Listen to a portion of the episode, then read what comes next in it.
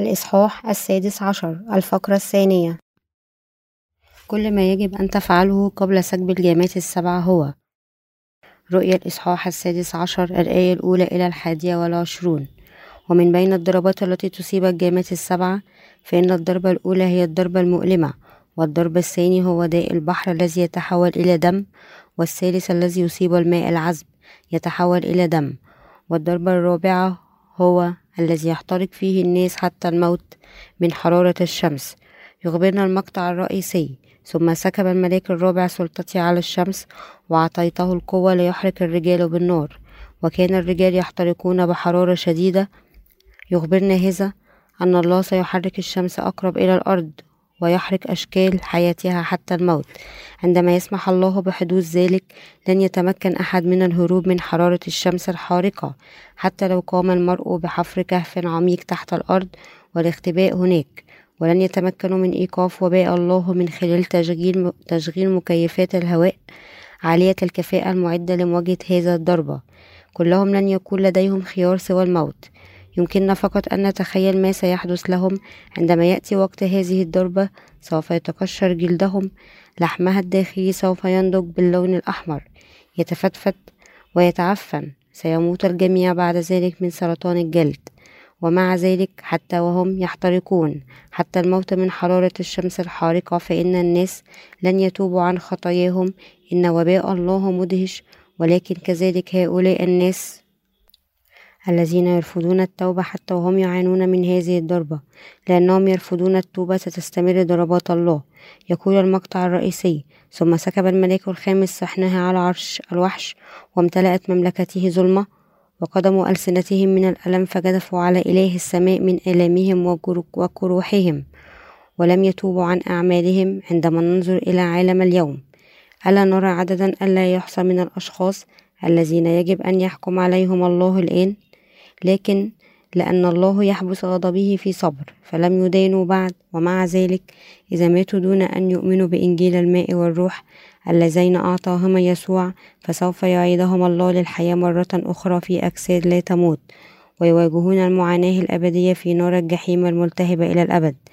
عندما يحدث هذا سيرغب الناس في الموت لأن معاناتهم ستكون أكبر من أن تحتمل لكن معاناة الجحيم تدوم إلى الأبد سيأتي الوقت الذي يرغب فيه أولئك الذين سيحكم عليهم الله في الموت.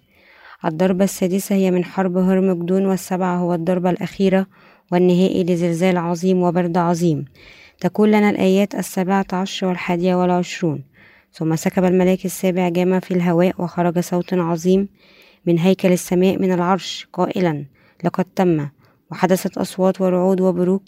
وحدث زلزال عظيم زلزالة عظيمة لم تحدث منذ أن كان الناس على الأرض وقسمت المدينة العظيمة إلى ثلاثة أقسام وسقطت مدن الأمم.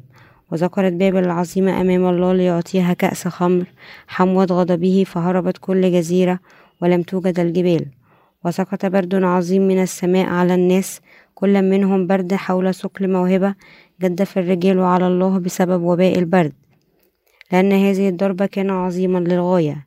يخبرنا المقطع أعلاه أنه بينما يسكب الله الوعاء السابع سيضرب زلزال عظيم الكوكب وينقسم العالم كله إلى ثلاثة ويتم هدم جميع المباني التي لا تزال قائمة على هذه الأرض. دون, أن دون ترك أي واحد منهم اليسار سليمة. هل ستظل جبال الهيمالايا قائمة عندما يحدث هذا؟ بالطبع لا. تختفي جميع الجبال العالية أمام أعين الأحياء. كل جبل في هذا العالم سوف يتبخر. ببساطة دون أن يترك أثرا. يخبرنا المقطع أيضا أن حجارة برد ضخمة تزن كل منها ما يصل إلى مائة رطل خمسة وأربعون كيلو جرام وستسقط على هذه الأرض. هل سيكون هناك من سيستطيع النجاة من هذه الزلازل والبرد؟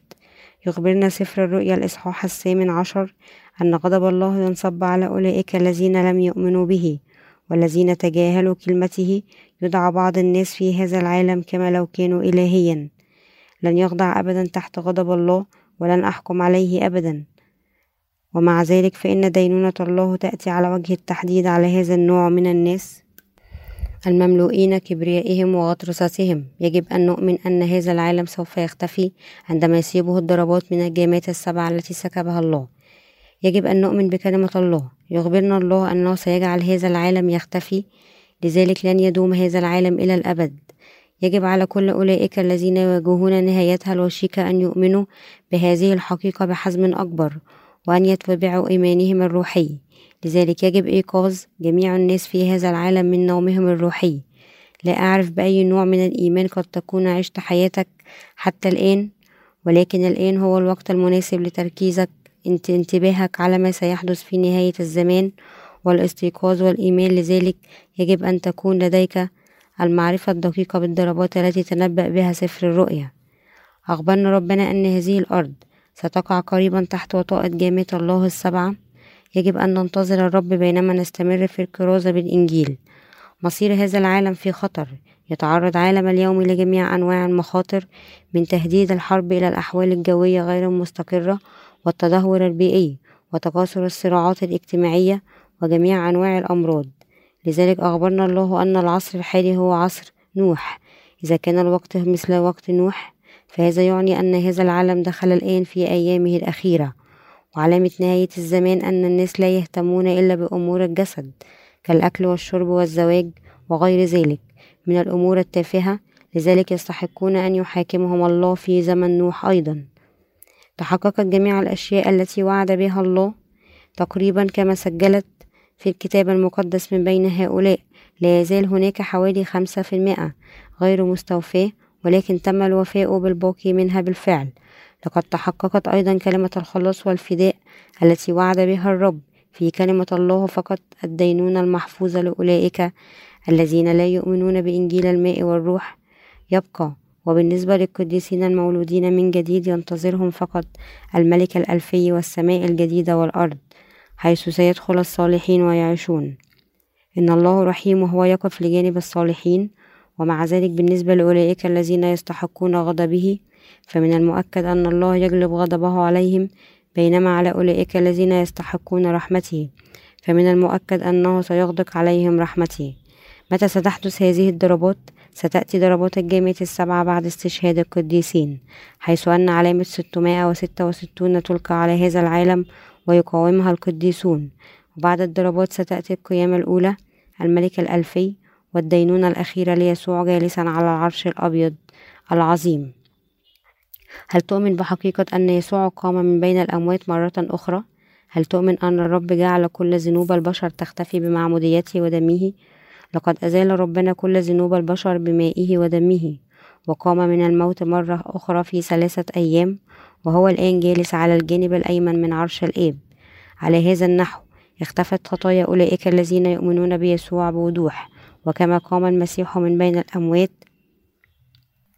كذلك سيقامون من بين الأموات. لذلك سيتمجد القديسون مع الرب ولكن بينما هم على هذه الأرض سيواجهون أيضا آلاما كثيرة من أجل الرب. لكن آلام هذا الوقت الحاضر لا تستحق أن تقارن بالمجد الذي ينتظرها لأن هذا المجد هو الشيء الوحيد الذي ينتظر القديسين المولودين من جديد. لذلك ليس لدي القديسين ما يدعوهم للقلق بشأن المستقبل. كل ما على الأبرار أن يفعلوه هو أن يعيشوا بقية حياتهم من أجل الإنجيل وإيمانهم. يجب أن نكرس أنفسنا لعمل خلاص النفوس لا أن نتبع العالم.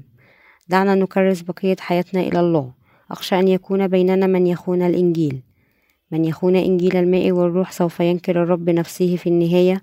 وعلى الرغم من ضعفنا إذا أمنا واتبعنا إنجيل الماء والروح اللذين أنجزهما الرب سنكون جميعا قادرين على العيش بالإيمان. لا يمكن للقديسين أن يعيشوا فقط يعيشوا فقط بحكمتهم وقوتهم. إذا فعلوا إذا فعلوا ذلك سينتهي بهم الأمر بخيانة عقيدتهم ومواجهة تدميرهم. لتجنب هذا يجب أن نعيش بالإيمان. لماذا يسمح ربنا للبشر أن ينالوا علامة الستمائة وستة وستون؟ هذا لفصل الحبوب عن القشر قبل السماح للقديسين بالاختطاف فإن أول شيء يجب أن يفعله الله هو أن يفصل بوضوح الحب عن الغص هناك معارك روحية يجب أن يخوضها القديسون على هذا النحو. يجب على القديسين ألا يتجنبوا القتال ضد أعداء الله. إذا ترددوا في محاربة الشيطان فقد يتلقون ضربة قاتلة من الشيطان بدلا من ذلك. لذلك يجب على جميع القديسين ويمكنهم خوض معارك روحية حتى من أجل أنفسهم. كل المعارك الروحية التي خاضها القديسون لها ما يبررها. لإتباع الله يجب على كل قديس أن يقاتل ويتغلب على الشيطان وخدامه. ويجب أن يقاتل القديسون من أجل ملكوت الله. يجب أن يضطهدوا بسبب ملكوت الله وأن يكرههم الناس في العالم. إن إعطاء القديسين فرصة القتال من أجل الرب. هو أمر جيد في حد ذاته. إذا أتيحت لك هذه الفرصة للقتال في سبيل الله فعليك أن تشكره على ذلك. هذا الجهاد هو جهاد جيد لأنه جهاد من أجل بر الله. الله يساعد الصالحين ولم يتبقى الكثير من الأيام في حياتنا.